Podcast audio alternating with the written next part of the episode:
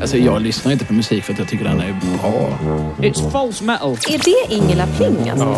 Carl von Linné rekommenderar att man inte ska bränna od och ört i en torr kittel för att då samlas demonerna.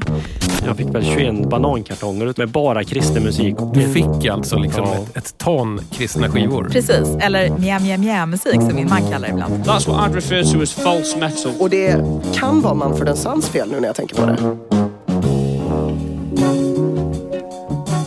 Ja hörni, lurarna är inpluggade, grammofonen är uppvevad, skivkassen är full med billig och begagnad musik för max 50 kronor. Om ni har röstminne så känner ni min stämma som Tommy Jönsson och jag är uppfinnare och arkitekt av DJ 50 spänn. Som, ja, det är ett mellanting mellan melodiradio, avfallshantering, sällskapsspel och den billigaste formen av musikarkeologi. Innan vi sätter igång här så ska jag påminna dig som lyssnar om att du kan stötta den här lilla podcasten på ett väldigt enkelt sätt. Köp en tröja eller en tygkasse med DJ 50 spänns bananlogga på. Då går du till min sajt dj50spann.se och där hittar ni min digitala loppis och där kan du shoppa merch. Härligt va? Nog sålt för den här gången. Jag sitter inte ensam här i studioholken för mitt emot mig sitter också dagens skivgrävare. Annie Olofsson, välkommen hit! Tack. Bar du hit dina loppisvinyler med stolthet eller med skam? Lite mitt emellan skulle jag säga. Lite skam, lite stolthet. ja, men lite så. Hörru du Anne, jag vet att du är musikdåre och annars hade jag kanske inte bjudit in dig hit. Och vi kommer snacka om musik, både liksom dina loppisplattor för 50 spänn och förmodligen lite annat också. Men det kanske hör till att säga att du också är konstnär. Ja, Foto, video, lite skulptur. Har jag missat någon disciplin där? det, jag är ju fotobaserad konstnär som det heter. Ja. Och, eh, jobbar då med mycket video och lite skulptur. Mm. 3D till och med nu för tiden. Alltså att du printar 3D. Ja, det är som fotografi. På ja, vilket sätt då? Jag ser det på samma sätt. Det är liksom man printar ut en eh, skulptur och man printar ut ett Mm. fotografi. Jag vet att du till och med har ett verk som finns på MoMA i New York så att du är liksom inte Jag är inte vem som helst. Nej, du är liksom inte någon som bara står och slabbar en akvarell och eh, så här, hänger den på ditt närmaste bibliotek om vi säger så. Innan du kom här så satt jag och eh, bildgooglade lite av dina verk för jag tyckte att jag hade lite halvdålig koll. Och då fastnade jag lite grann för ett familjefoto som du har liksom tagit på dig och din närmaste familj tror jag. Ja. Du sitter framför dina föräldrar och några till. ja, det är en märklig historia bak det fotografiet. Ja, och så sitter du i en isbjörnsdräkt. Ja. Den heter ju The Mourners, Ja. My Last Family Photo. Ja. Och Mourners, alltså det är de sörjande på svenska. Mm. Det fotograferade jag i 1996 som i princip det första, liksom, det första fotot som jag tog. Eller så när jag började arbeta med min familj. Det bara blev liksom till Mm. av en slump.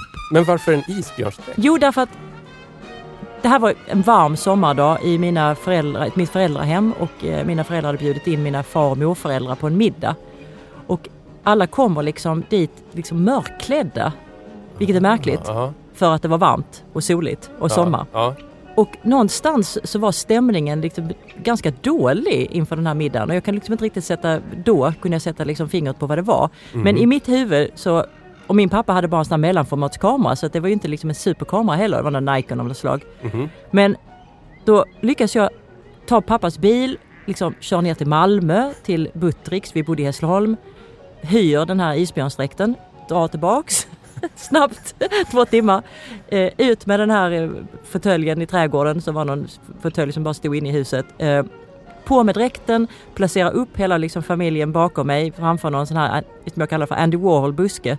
Det, Ja. det blir liksom Andy Warhol-blommor på den. Och ta den här bilden. Och, och sen åker jag ner och lämnar den här overallen igen och åker tillbaka igen. Det var liksom allt. Mm. Och så tar jag fram den här bilden och det står liksom alla uppradade där. För, för typ bara några veckor sedan, liksom efter den här bilden blev tagen, så skilde sig mina föräldrar. Sen pratade inte de med varandra på typ nio år. Hade du någon aning om att det var på gång? Nej, men det var någonting som var fel. Och det var det jag liksom plockade upp i stämningen, Ja, ja, ja. att någonting Ja. är weird. Den bilden tycker jag i alla fall. Den är ju liksom både goofy och otroligt allvarlig på samma gång. Ja, den är jättemärklig. Det var ju verkligen så. De, de pratade inte med varandra alls överhuvudtaget på nio år. Och eh, det blev den sista family-fotot någonsin taget. Sen dog ju liksom folk ut. Så min, Ja. Sen dog min farmor, sen dog liksom... och nu är det bara jag och min mamma kvar på den bilden som Mm. lever. Är, är det den här som också hänger, alltså på, som finns på MoMA? Nej, den här Nej. finns i Washington DC Jaha. Hos en samlare privat. Oh, Den okej. som är på MoMA är en bild eh, där du bara ser mina armar som sträcks in eh, och du ser min pappa i profil Ja. där jag håller på och liksom knäpper upp hans skjortkrage. Det är bara mina, du ser bara armarna på mig liksom. Mm. Den är jäkligt speciell också. Mm. Men den hänger, eller den hänger inte där, de har den väl i sina lager och sen hänger de upp den om den skulle vara med på någon utställning. Mm. Men det där kommer jag ihåg, det, var, det är rätt så um, speciellt när man får det där brevet från MoMA. Man tror att det är liksom ett vernissagekort, det är någon utställning som man inte kommer åka på ändå för man inte bor i New York längre. Ja. Och så öppnar man det här brevet och så bara talar de om för en att we are pleased to announce that you are now liksom in the liksom, private, in, in our collection. Och man bara, Ah, det är stort det där. Ja, det är faktiskt jävligt stort. Ja. Man bara, Du har väl sparat det? what? Ja, Du Anne, ska vi svänga in på kärnverksamheten? ja. Du har ju fått eh, köpa skivor för 50 spänn här. Vart gick du någonstans? Vad heter den där affären igen? Ehm, Stockholms Stadsmission är det på Götgatan? Nej, Hornsgatan. Oh, det är ju mitt stammissak, Hornsgatan här i Stockholm. Jag är där väldigt, väldigt ofta. Jag kan se av din lilla hög här att du har tagit någon skiva här som jag har liksom tagit upp, kollat på och här, nej, och slängt tillbaks den.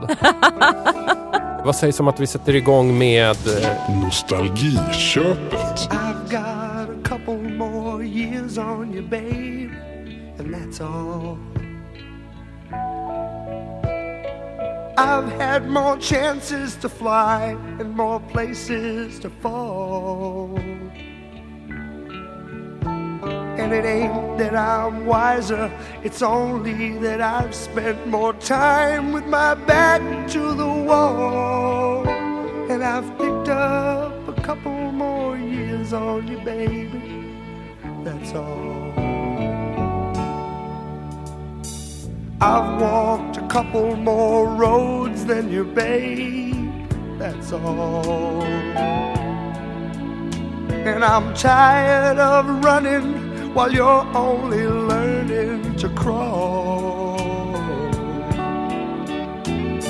And you're heading somewhere, but I've been to somewhere and found it was nowhere at all.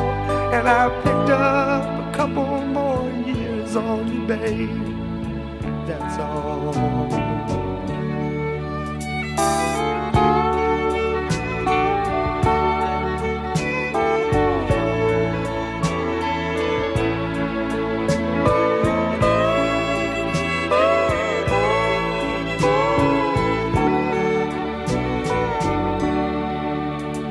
Now saying goodbye, girl, don't never come easy at all.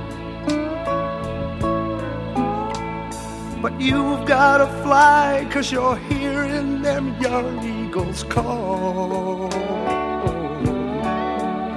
And someday when you're older, you'll smile at a man strong and tall. And you'll say, I got a couple more years on you, baby. That's all. You'll say, I got a couple more years on you, babe, and that's all. I've had more chances to fly and more places to fall.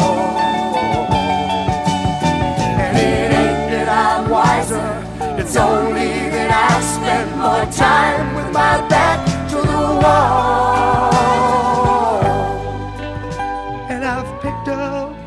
Couple more years on you, babe, and that's all. Anne, nu får du berätta vad det här var för någonting. Det var Dr Hook och låten A couple more years. Och om man undrar vilken skiva det är från så är det A Little Bit More-skivan. Ja. Denna loppisklassiker som nästan alltid finns för en fem eller en tia. Den är inte direkt super rare om man säger så. Nej. Var och när fanns den här skivan i ditt liv? Nej men då var jag väl tio när den kom ut. Ja. Min mamma var ju den som såg till att eh, min musikintresse alltså överhuvudtaget finns idag. Mm. Hon var ju liksom enormt intresserad av musik och köpte jättemycket skivor av det hon gillade. Och hon gillade Dr Hook bland annat. Aha. Så jag har ju liksom en bild på mig själv när jag faktiskt sitter i någon sån här my- mysstol hemma med hörlurar, så gigantiska hörlurar med en sån här eh, en sån här, vad heter det, sladd som är så här snodd. Liksom. Ja, just det. En spiralkabel. Spiralkabel. Ja, telefonsladd. Där satt jag väldigt ofta i den stolen med de lurarna på mig och lyssnade på min mammas musik. Det här var ju en fin låt. Ja, den är och det. här Den är hör man fin. liksom ändå lite någonting av deras ursprungliga liksom country rock eh, influens Ja, som kanske mattades av med tiden tror jag. jag vet inte vad heter den här sångaren. Jag tänkte, han heter ju inte Dr Hook. Men Nej men där står det ju. S- kan- Ray Sawyer. Ja, Jag vet att de turades om lite grann med sång i det här bandet också. Att alla Lever kunde sjunga eller? ganska bra. Det är en bra fråga. Så djupt har jag inte researchat Dr Hook. Men, men du är en sån här människa som, som alltid har köpt mycket skivor har jag fattat. ja, sen jag var väldigt, väldigt eh, ung. Hur började det där intresset? Nej, men det började ju med min mammas skivintresse. Alltså att vi hade väldigt mycket vinylskivor hemma, att hon köpte mycket skivor Mm. själv. Mhm. Och jag tror det bara, det kom liksom av hennes intresse och sen mitt i musikintresse och jag var ju väldigt hade ju ett ganska utvecklat musik, speciellt musikintresse från min barndom. Alltså jag gillade ganska speciella grejer. Som?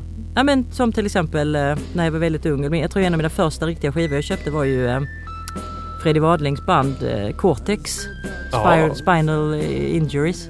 Alltså den är så jävla helig den skivan så att den, den, den, borde jag rama in. Ja, men du, du har den kvar? Ja, herregud. Det, ingen får låna den. Ingen överhuvudtaget får låna mina skivor. Ja. Det går inte. Men hur, hittade du då till, till Cortex när du var liksom men jag gillar ju hård och- musik från när ja. jag var barn. Jag gillar punk väldigt mycket. Ja. Six Pistols och allt Mm. sånt här. Det har jag alltid gillat. Flowers of evil. Flowers of evil. Jag kommer ihåg att jag tyckte det var så bra så att jag fick helt, alltså det var fan bästa. Jag tycker fortfarande att den skivan är helt outstanding. Och eh, jag såg ju för, eh, den här dok- jag såg ju Cortex, det fanns något ställe i Lund, nu kommer jag inte ihåg vad det hette, Mm. där de rätt mycket bra band spelade. Och där spelade, jag såg dem såklart, eh, Fredrik Wading hade en sån här randig, blå-vit randig tröja, jag tyckte det var jävla häftigt. Och där såg jag ju även eh, Tissematic då, ett eh, belgiskt band spela. Som är någon slags här new wave-artat, lite arty. Ja, jag vet faktiskt inte riktigt vad, jag- hur jag ska kategorisera dem. Så det är ett jävligt speciellt sound Mm, mm. som jag tror var för tidiga. De var för tidiga för their own good. Liksom.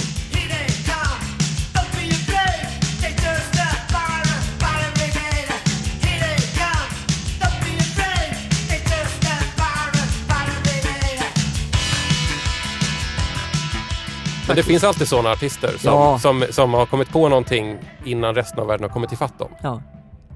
Nej men sen är det klart innan dess, innan, innan jag var så pass äh, avancerad så lyssnade jag ju på på, men, ABBA var väl inte egentligen min grej överhuvudtaget men det var ju så att man fick någon singel när man var liten. Liksom, så, Mm. ja, jag fick mig lyssna på det. Och jag tror, kommer ihåg jag hade Björn Skifs, någon Mona Lisa heter den va?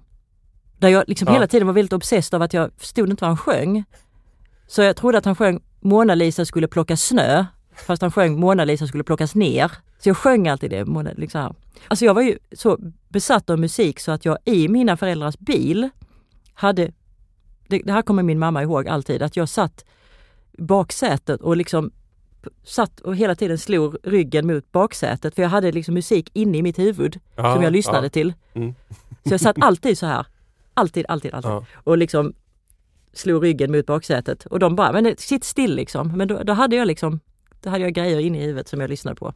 Vad har du för musik inne i huvudet nu för tiden då? Ja men det har blivit mindre med åren.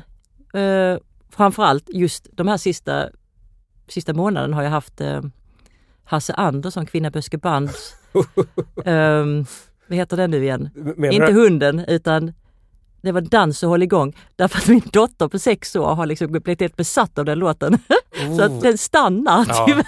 Men Ha- Hasse. Andersson är ju enorm igen fast liksom ja, hos Han de har yngre blivit någon sån lyssnarna. barnsnubbe. Ja, och även eh, då ganska ofta dyker upp som programledare Ja. och gäst i barnprogram. Men han är som Anna Bok, så här evigt ung. Eller så är, har han hittat sin roll som en sån här liksom farfarsfigur. Alltså du vet, den coola farfar med gitarr. Det enda jag inte riktigt förstår det är hur alla de här Stockholmsbarnen förstår hans grova skånska. Det är helt obegripligt. Den är inte lika grov när han sjunger. Nej, men när han är barn-tv, Ja, Bullybumpa, det är det grovt. vet du vad? Det finns en rolig grej som jag aldrig kan sluta tänka på just när det gäller eh, Dr Hook. De hette Dr Hook and the Medicine Show först. Eh, och hade väl några liksom hittar innan de blev så här mega super stora internationellt. I grunden är de ju bara ett sånt här hårt knegande barband från New Jersey. Jaha. Eh, men på något sätt, de har ju fått så låg retro-cred att inte ens liksom gäster i DJ 50 spänn pallar att ta med sig dem.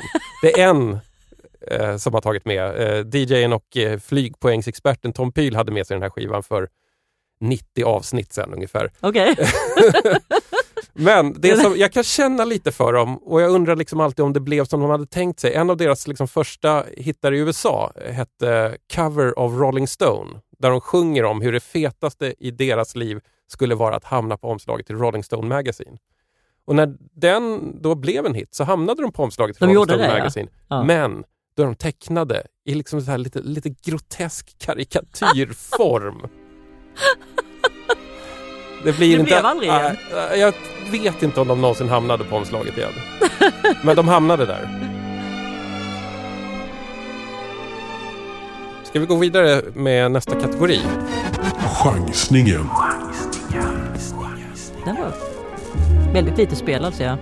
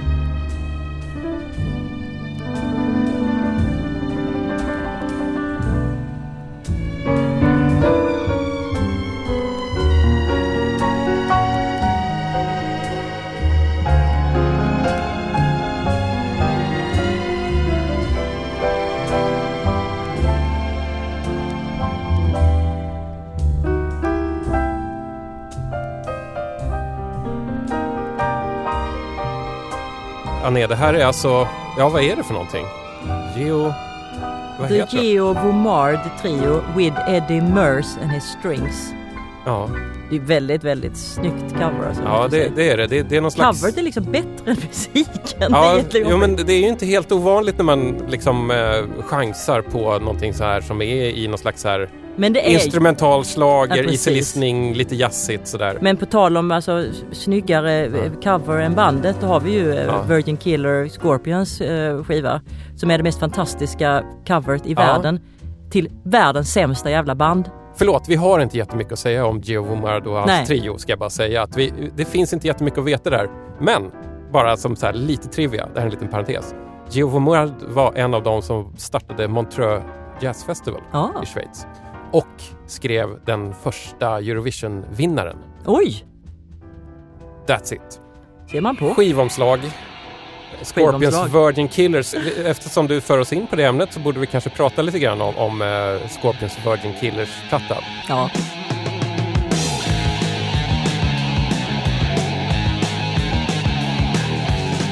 Du har ju faktiskt gjort ett konstverk som eh, handlar om den. Ja.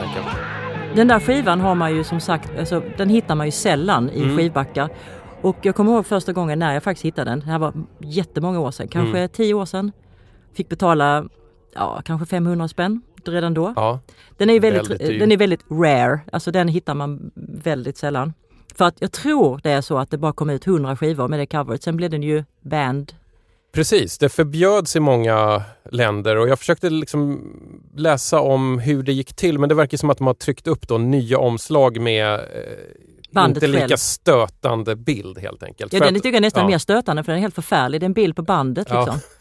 Men nu, nu måste vi också säga att det här Virgin Killers-omslaget, om man inte vet hur det ser ut, alltså originalomslaget som är, som är ökänt. Det räcker att man googlar det så Ja. kommer det upp 7 miljoner träffar. Det är alltså en eh, ganska ung flicka som sitter och skrevar på något konstigt Väldigt sätt. utmanande Ja. pose. Hon sitter liksom, med, liksom bakåtlutat med en eh, soft blick och tittar in i kameran med benen liksom Mm. lite spridda så här. Och sen, sen, hon är ju 12 Mm. när de, de tog den här bilden, det vet Så, jag. så mycket nu. vet du. Ja. Ja. Ehm, de hade en fantastisk, nämligen formgivare eh, på Scorpions. De är ju tyska som sagt. Eh, Mm. Som var jäkligt duktig formgivare. Som gjorde deras skivomslag i många år. Precis. Och det är inte bara det här som är fantastiskt, det finns ju fler. Och det, det hör liksom inte ihop med musiken. Det, Nej. alltså, det skiv, coversen är bättre än bandet. Det är, liksom, det, det är jättekonstigt. Mm. Men mm. det där blir väldigt då kontroversiellt och det tror jag inte har, och det kan jag då berätta så här. Um, anledning tror jag beror på att ett, det heter, skivfodralet heter Virgin Killer Mm. och där finns alltså en, en crack, en spricka i glas där själva sprickan utgår från den här tjejens könsorgan så att säga. Det ligger precis ja. där. Ja, just det. Och det är liksom ett här hårdrocksband som, som eh, ligger bakom det här. Så jag tror mer det, det handlar nog mer om det för att jag gjorde ju då en video där jag föreställde mig hur det här hade gått till. Just det. Det är en slags så här reenactment artad, liksom Ja, rörlig sekvens om ja det är själva filmat plåtningen. runt om eh, en grupp kvinnor som står och faktiskt är de som ska då, eh, både mamman så att säga som var med under fotograferingen, sminköser, hårfix, Mm. eh, liksom, ja. Så att den är filmad runt om liksom hur det här gick till och med originalfotografen Mm, och hans fru. Mm. var med i min video. De Mm. lyckades jag, jag lyckades få tag i honom. Mm. Jag minns... Så jag har sett originalfotografiet och som visades på Kulturhuset Mm. 2011 så visade vi faktiskt eh, originalfotografiet i guldram bak nästan pansarglas för den var, den var försäkrad till, nej det var någon sjuk summa, eh, 100 000 euro eller något sånt här. Right. So, in fact, would it have been illegal, do you think, if someone had complained at the time? I can't remember when that album came out specifically. Yeah, I understand um, the album came out before that date. Um, of, of course, that's an important issue. You know, we're applying today's standards and today's legislation um, to the reports we're receiving today. Obviously, you know, this is, this is an old image. Uh, David Gerrard, speaking for Wikipedia, what do you make of that? Um, the album was issued in 1976. It's been available continuously for 32 years. Jag såg originalfotografiet där och videoverket på Kulturhuset. Mm. 2011 var det här. Ja. Eh, Jag tyckte att det var ganska obehagligt. Själva videoåterskapningen som du hade gjort. För att det är någonting med att den här lilla tjejen då, eller i din är hon inte kanske 12. Nej, det är hon inte. Nej.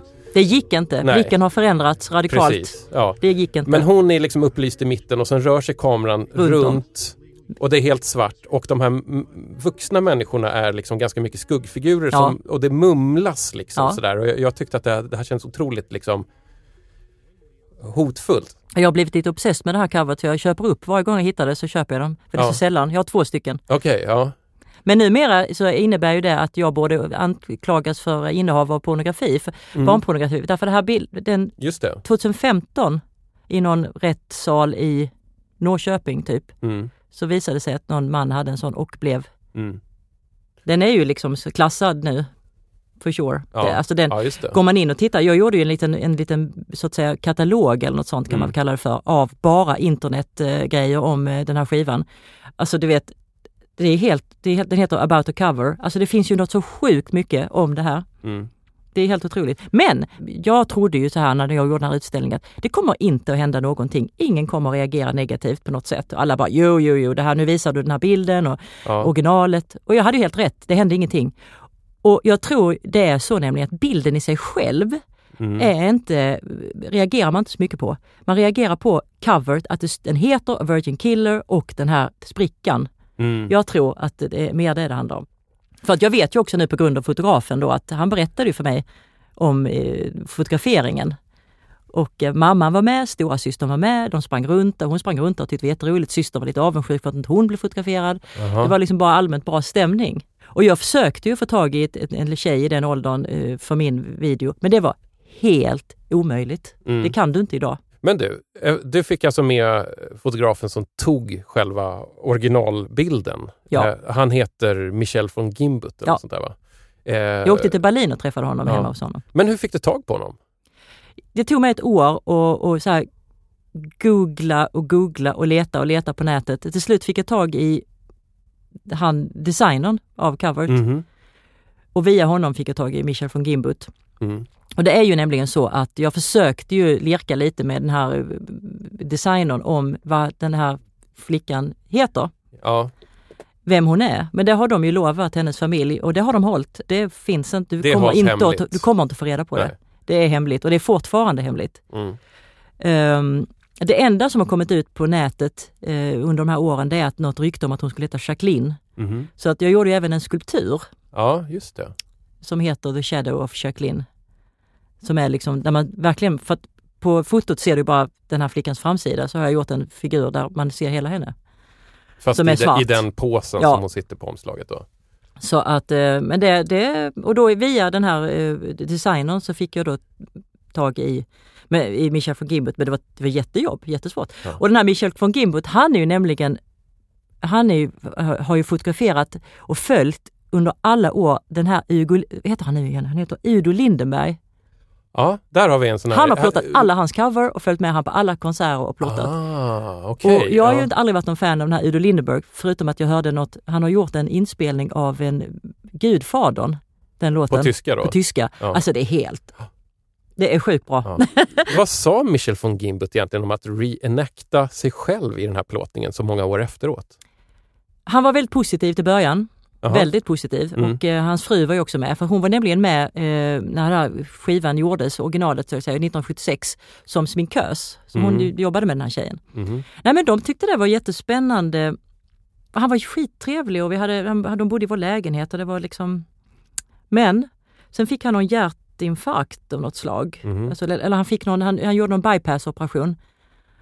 Och sen efter det så blev han väldigt märklig och lite aggressiv och han skulle han ville att jag skulle ordna någon utställning till honom. Han skulle också ställa ut på, eh, på Kulturhuset tyckte han. Och då sa jag, men då får du prata med de som är curators där, det kan inte jag Nej. göra någonting åt. Och det är klart att inte de var intresserade av det. Ja, och då blev det lite strul och då började han liksom tyckte att då han var bara actor in my video. För att jag hade nämligen, som tur var, hade jag skrivit kontrakt med alla Mm. Som actors in my video, för det var Ja, det ja, de var ja. ju. Mm. Det fick han plötsligt lite svårt med sen efteråt Mm. och då var jag väldigt tacksam och glad över att jag skrivit de här kontrakten ändå, och, vilket han gnällde över. För annars hade, det nog, hade jag nog inte kunnat visa det här verket idag. Nej. Otroligt intressant historia det här. Mm. Så han, jag har inte haft kontakt med honom sedan Nej. 2011.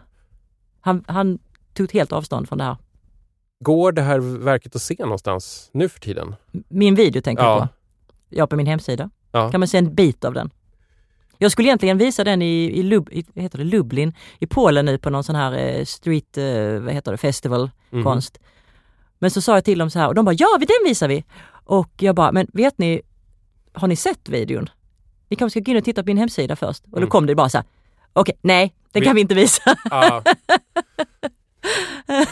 nej, det hade varit jättespännande men den skulle då visa sitt skyltfönster på en sån public street. Ah, Man nej, bara, det kanske inte var rätt kontext. nej. Du har ingen aning om vad eh, herrarna i Scorpions själva tycker om det här, om de har sett det här verket? Nej, det tror jag inte de har. Men de var ju, Gimbut eh, var ju väldigt klar också om det när jag hade gått ut i pressen och sånt att det här är, har ingenting med Scorpions att göra. Det här är mitt cover. Eh, Jag vill inte att ni nämner Scorpions och jag, jag tror Scorpions var ganska så här liksom lojiga tyska liksom rockare som kunde care less om det albumet liksom, eller skivomslaget.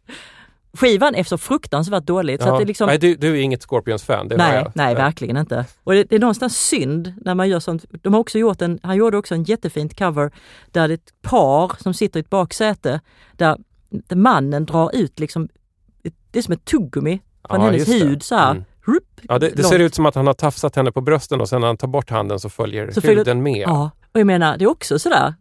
Ja, det, ja jag vet. Nej, men de, alltså en, Det skulle ju en, kunna vara ett ja. cover till Brian Ferry. Ja. Du vet, det är så. De ville säkert ha en tuff sån här liksom döds, något skelett eller någonting på coveret men det, det tyckte inte han. Det, det stämmer inte överens riktigt. Mm. Innehållet och coveret. Babo. Nu har vi pratat mycket om Tyskland här. Du har ju faktiskt råkat få napp på någonting tyskt här. I, i, i, i liksom skräckkategorin här. Random Access Vinyl. Ja men den var faktiskt, där skulle man kunna fuska. Man skulle kunna fuska där. Jag Jag, jag är glad att, att du ändå inte fuskar utan du tog upp den här. Den är sönderspelad. Nej, ospel. Eine Seefahrt, die ist lustig, eine Seefahrt, die ist schön, denn da kann man viele Leute an der Reling spucken sehen.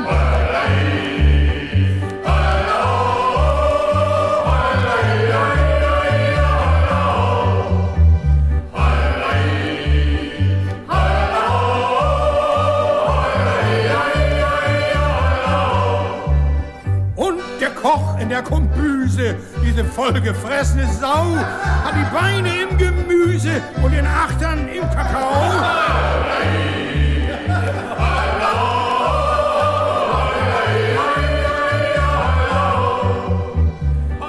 Vi kanske inte kör liksom hela Nej för låten här. fan, Men det där går ju inte. gör så här. Men man undrar vem som köper Ja, alltså man undrar vem som köper den säger du. Alltså slumpen gav dig Adi Münsters eh, platta som heter Röpeband Bummel mit Adi Münster. Inspelad uppenbarligen på någon slags ölhall på, på Reeperbahn i Hamburg. Och vi körde eh, Eine Seefahrt, die ist lustig. Alltså att det är kul att åka båt. Men någon, någon i, Sverige har ju köpt den skivan i och med att den Ja, fanns där. men, men vet du vad? Du, du har ju varit på, på mitt, eh, ett av mina stammishak här bland second hand-affärer med skivavdelning med 10 kronors skivor i Stockholm. Eh, Stadsmissionen på Hornsgatan. Och där har det nu senaste månaderna varit väldigt mycket tyska humorskivor. Som antingen är liksom så här eh, umpa-umpa eh, ölhalsmusik eller sketchskivor. Och jag har stått och så här fingrat på, undrar om det finns något kul här, Ska man, kan man sampla någonting, kan man, kan man sno någonting från de här? Men jag har, jag har inte pallat att ta upp de skivorna, men det är så roligt att du kommer med en av dem. Jo, och framförallt när jag tog upp den så tänkte jag, min första tanke var ju bara, nej, Olle Ljungströms reeperbahn. Men, men det såg inte ut som det var Nej. Olle på coveret. Nej. Jag har i och för sig fyndat flera reeperbahn-skivor på just den. Du har det? Ja, på den Stadsmissionen.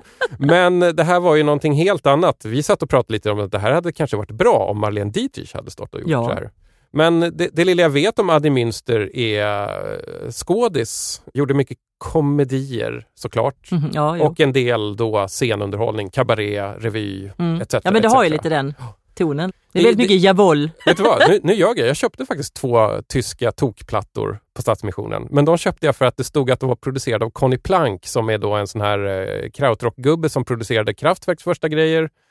Eh, Noi, eh, alltså senare då Eurythmics. eh, Producerade han, eh, kunde han ha producerat väldigt tidiga eh, kraftverk? Ja. Därför att jag har hört kraftverk Mm. på 70-talet där de spelar tvärflöjt. Ja, ja, ja. Det- alltså de- det är något så sjukt bra. Men jag får Superbra, inte tag i den skiten. Men- men det alltså jag blir roliga- helt så ja. besatt. Jag måste Ja. ha de här när de spelar tvärflöjt. Då, då får du Ah. hosta upp mycket pengar. Jag brukar ju ofta hävda att Kraftwerk var bäst innan de köpte syntar. Ja, jag blev alldeles... Eh, håret stod ut på armarna när jag hörde den. Jag blev helt... Det som jag köpte var då alltså, karnevalmusik från Köln på Kölner dialekt producerat då av en legendarisk krautrockmänniska. Det var inget bra, men det Nej. var ju kul att ha. Har du någon relation till tysk humor då? Har tyska humor. För väldigt, väldigt många år sedan så, så arbetade jag som någon slags redaktör för ett tv-program där programidén var att vi skulle göra ett tråkigt och analyserande och supertorrt program om humor. Och ett av casen, så att säga, som vi skulle undersöka var ju om det finns humor i Tyskland. Ja, efter några dagar här i Tyskland så måste man väl motvilligt börja erkänna att de faktiskt har humor här. Även om det verkar som att nästan de roligaste tyskarna är turkar. Så programledaren då som var Henrik Schyffert och inslagsproducenten, de åkte iväg ner till Tyskland. Och när man är här i Köln och området omkring Köln så måste man då passa på att träffa Serdar Somuncu som är en Istanbul-född komiker som har dammat av en gammal förbjuden bok. Och så kom de tillbaka med materialet och då hade de då hittat en kille som då på en kabaréscen läser högt ur Mein Kampf och skriker väldigt mycket.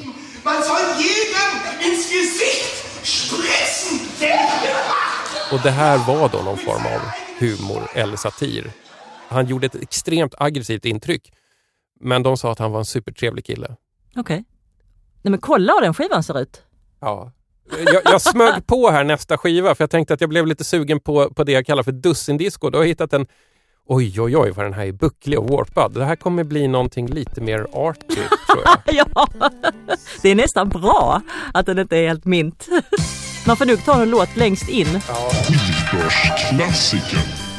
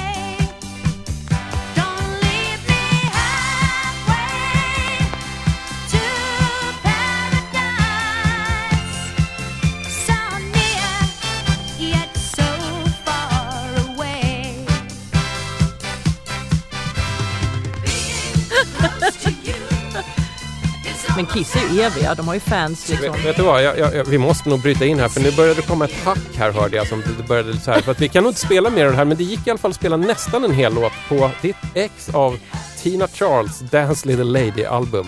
Men det bör ju då rekommenderas att man tittar, tar ut skivorna innan man köper dem. Även- Exakt. Ja, ja men exakt, det här var Halfway to Paradise. Hon har ju även gjort Amazing Grace, det var den vi försökte spela först där, Men det hoppade. gick inte. Någon slags ehm, eh, ganska eh, light disco från 1976. Har du någonsin i ditt liv varit nere med Tina Charles? Jag önskade mig då Destroyer, Kiss Destroyer, mina föräldrar när jag var på simläger och jag, jag bara såg fram emot det här lilla kassettbandet som skulle komma leverera till mig där i en paket. Ja. Eh, och jag öppnade och där i är en Tina Charles kassett istället. Denna enorma besvikelse. Oj, oj, oj. Hur kändes det? Ja men det var fruktansvärt. Jag, som straff sen när jag kom hem eh, från det här lägret så gick jag och köpte den här kassetten själv. Och en massa posters. Men sen tror det väl några veckor, sen tröttnade jag på Kiss och då gillar Jaha. jag Tina Charles. Så att, så att du, du kunde ändå liksom uppskatta Tina, ja, Tina ja. Charles till slut? Idag, nej. Det är inte jätteroligt. Men det här är ju det som jag brukar kalla för dussin disco. Alltså Ja. Det här är producerat med dollartecken för ögonen. Ja. Liksom. Jag ska inte säga att det är dåligt för det, men Nej. det är ju att koka ner någonting eh, liksom lite farligt och lite mörkt till någonting som går att spela på radio och, och, och spela i gillestugan och sådär. Ja, men jag såg ju ett eh, jättebra dokumentärprogram om, eh, om eh, vad heter hon som, som dog nu för några år sedan? Eh, Whitney Houston Ja. på SVT Mm. Play som var helt fantastiskt. Därför det handlade också om hur man försökte göra henne till något annat än vad hon var. Just Mm. att inte göra henne svart. Ja. Utan hon hade en helt vit publik. Mm. För att man gjorde någon typ av musik som var, som var vit. Mm. Och de svarta eh, communityn liksom lyssnade ju inte på hennes skivor. Mm. För de tyckte det här var vit musik. Mhm. Och hon själv tyckte det till slut också. Så till slut när hon blev så pass stor Mm. som hon då blev så började hon liksom gräva i sina svarta rötter och ville hitta tillbaks till liksom svart musik. Mm. Det var jävligt Ja. intressant. Det är ju lite, lite grann det här, vad är, vad är det här? Egentligen, Ja. vad är det här? Personen, Brittisk, i, eh, personen i bakgrunden som, som är, lite grann av en puppet master för Tina Charles eh, var ju en producent som hette Biddu. En eh, britt då med indiska rötter som något år innan det här hade eh, producerat då en superduper hit som också var liksom light disco. Mm. Kung Fu Fighting med Carl Douglas. Den kanske du minns? Men en sak som jag tycker är intressant det där med att man har blivit, kanske känna, att man blivit lurad. Jag, jag har kommit fram till att jag kanske har blivit lurad. Mm. Jag var ju medlem i Plastic Patrons fanclub. Plas- Det är coolt. Jag var Plastic Patrons liksom största svenska fan. Och jag, alltså jag har alla Plastic Patron-skivorna, vinyl och singel. Jag Ja. skojar inte. Han blev lite töntig på slutet när han gjorde ping pong. Det blev lite tramsigt. Men så har någon slagit i min hjärna att, att det var fake. Att det var inte Plastic Patron. Han var, han var bara ett utseende. Det var någon annan som sjöng påstår man. Mhm. Och det här tycker jag egentligen, är- jag har inte Ja. gått vidare med det för att Nej. jag kände bara att besvikelsen var så stor.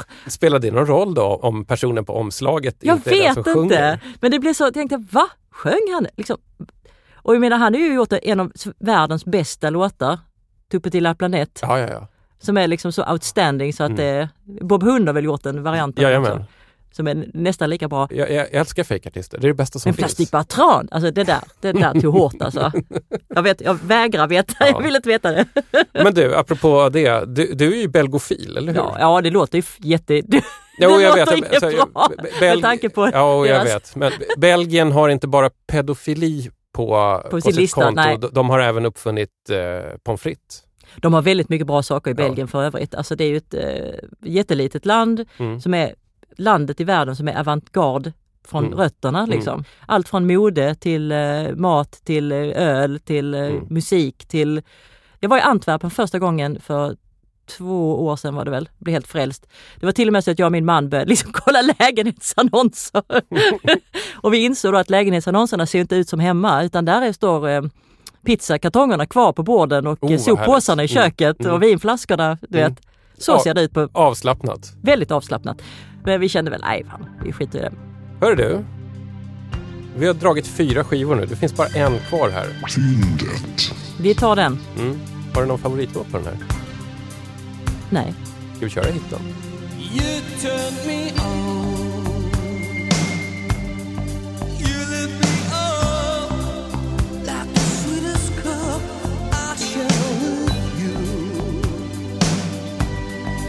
You lit me Don't you ever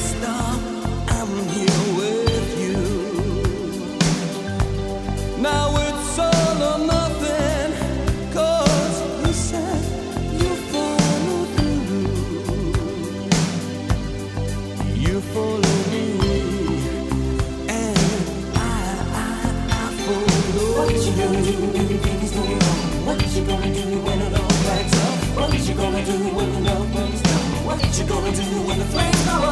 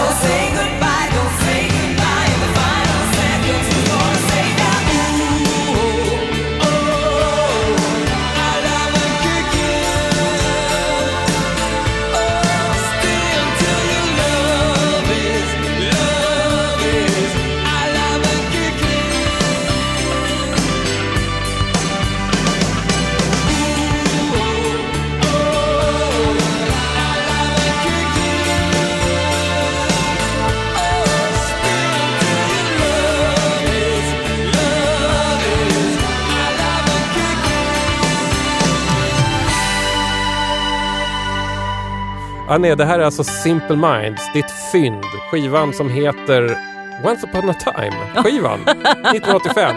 Superhitten Alive and Kicking. 85, när gammal var jag då? 66, 77, 86, 19? Nej men då hade jag kommit förbi den. Jag var, tyckte nog att det här var en fantastisk låt då. Ja. Kanske, kanske ja, 12 men jag var lite gammal. tidigare där med Ja. dem. Jag, jag tyckte de var väldigt bra Ja. där. Men de var lite creddigare innan det här. Det här är ju från deras liksom så här arena rock-era. Ja, för jag var nog Allting är väldigt 15-16 där när, jag, Ja. när de var som bäst tycker jag. Och då var de fortfarande lite mer new wave Ja, ja sätt. precis. Det här Ja. blev lite så här Ja. U2. Det är ju U2-idealet. Alltså, det är möjligt att U2 tog den här ritningen och sen förfinade Ja, det ännu mer. Liksom. Man ser en U2 liksom är ju som Sting. Det är bara så här tantra, sex och hälsokost. Så, Ja, jag vet inte, jag är svag för U2s ironiska era där i början på 90-talet. Den hade någonting där. Det, sen blir- det, men det, det är fortfarande Sting däremot, här förlåter man Nej, aldrig. Nej. Så han har fortfarande inte dykt upp i DJ 15, det är jag väldigt glad för. Hör du, Simple Minds, ehm, du tog det här ändå som ditt fynd. Hur tänkte du? Ja, För det fanns inget annat. men jag skojar inte. Ja, det här var liksom det så fyndigast Ja. det kunde bli. Mm. Tänkte 10 spänn. Ja. Det var inget annat som man skulle kunna tänka att betala Mm. 10 kronor för som var ett fynd. Men hör du, jag, jag anar ju att det finns liksom ett ganska stort grundmörker i ganska mycket av den konsten som du gör. Då undrar jag lite grann, så här, finns det någon musik som har liksom puttat in dig i det? Cortex. Yes, jag, jag gillar ju liksom hårda grejer. Jag gillar liksom Mm. Men skillnaden liksom mellan hårt och, och mörker, det är ju liksom Mm. ett, det är mer åt det mörka hållet så att säga.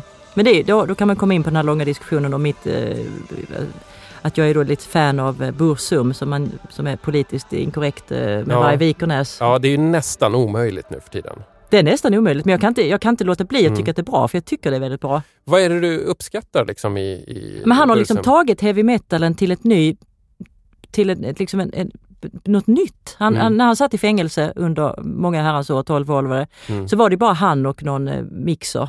Mm. Det var ju bara så.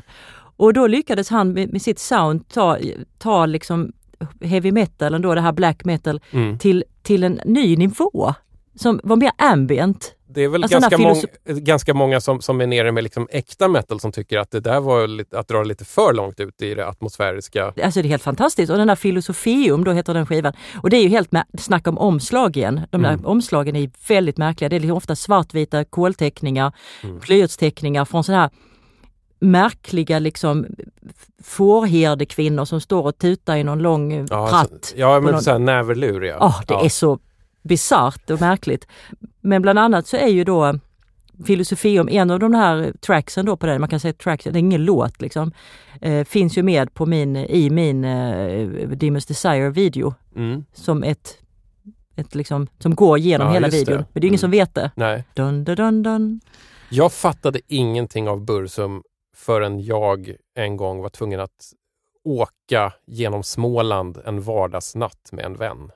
Och då lyssnade vi på Bursum på de här helt nersläckta motorvägarna längs Vättern. det måste varit en fantastisk Då upplevelse. förstod jag vad den musiken handlade om och det var en så creepy atmosfär som kröp ut ur högtalarna. Ja. Då.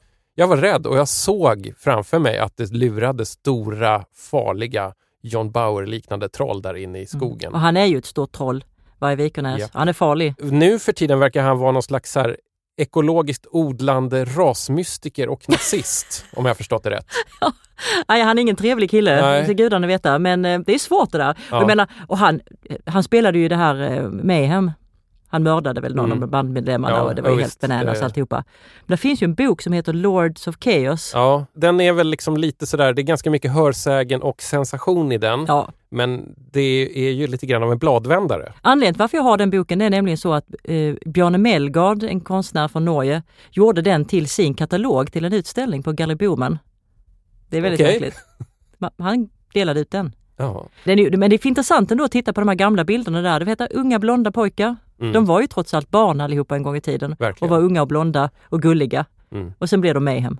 Det är ju heavy metal liksom på när man drar det så långt så Mm. att det verkligen blir heavy metal. Men det är svårt, det är svårt det där. Jag gillar Wagner. Ja, där, det samma... Det, det är väl Jo, lite sam- Wagner, det är same same, olika tider bara. Även riktigt onda, dåliga människor gör då och då bra konst. Ja. Och det finns miljarder exempel på det om man Mm. bläddrar Ja, i en ja, skivback. Vi vet till exempel inte riktigt vad Adi Münster har i sin garderob. Nej. Vet du vad? Tiden är ute. Tycker du att vi lärde oss någonting av dina fem fynd för 50 spänn? Man lär sig framförallt att man ska ta ut skivan och titta på den innan man köper den. En gång så hade vi en gäst här, eh, DJ Dust, alltså Daniel Savio, eh, som hade, han, var, han var rätt peppad för han hade hittat Chacachas, belgiska producenter som gjorde någon slags tidig, lite tropisk disco och var glad att han hade hittat den för en femma och när vi tog ut den så var den helt skålformad. och av en annan tidigare DJ 50 spänn gäst här, jag promotar gamla avsnitt här, men Elin Unnes som är väldigt inne på eh, hårdrock, träskmusik och medicinalväxter. Hon har sagt att har man golvvärme hemma så ska man dra upp den på max, lägg skivan på ordentligt med en tyngd, en stor skivbunt över, så kommer den platta ut sig. Jag har liksom en sån där som har legat och stått i solen. Det ska jag ta till mig det tipset. Mm. Så det är en riktigt bra skiva som jag är väldigt deppig över. Att den blir lite så svängd. Vilken är det? Inte Tina Charles? Nej, jag kommer inte ihåg. Det är någon av de belgisk eh, dyr. Bel Paré säkert. Det är nog den. Tack så mycket för att du var med. Tack för att jag fick vara med. Mm, det var alltså Annie Olofsson, konstnär, music lover och belgofil som shoppade skivorna i avsnitt 99 som du just precis har lyssnat på. Men stäng inte av riktigt, riktigt än, är du snäll. Jag tänkte nämligen rekommendera lite grejer för dig som vill ha fler roliga och oberoende musikprogram från cyberrymden. Till exempel det här. Pärlor och pinsamheter. En saftig mixshow med bortglömda stickspår från det svenska 80-talet. Gå till Mixcloud, sök efter pärlor och pinsamheter och njut.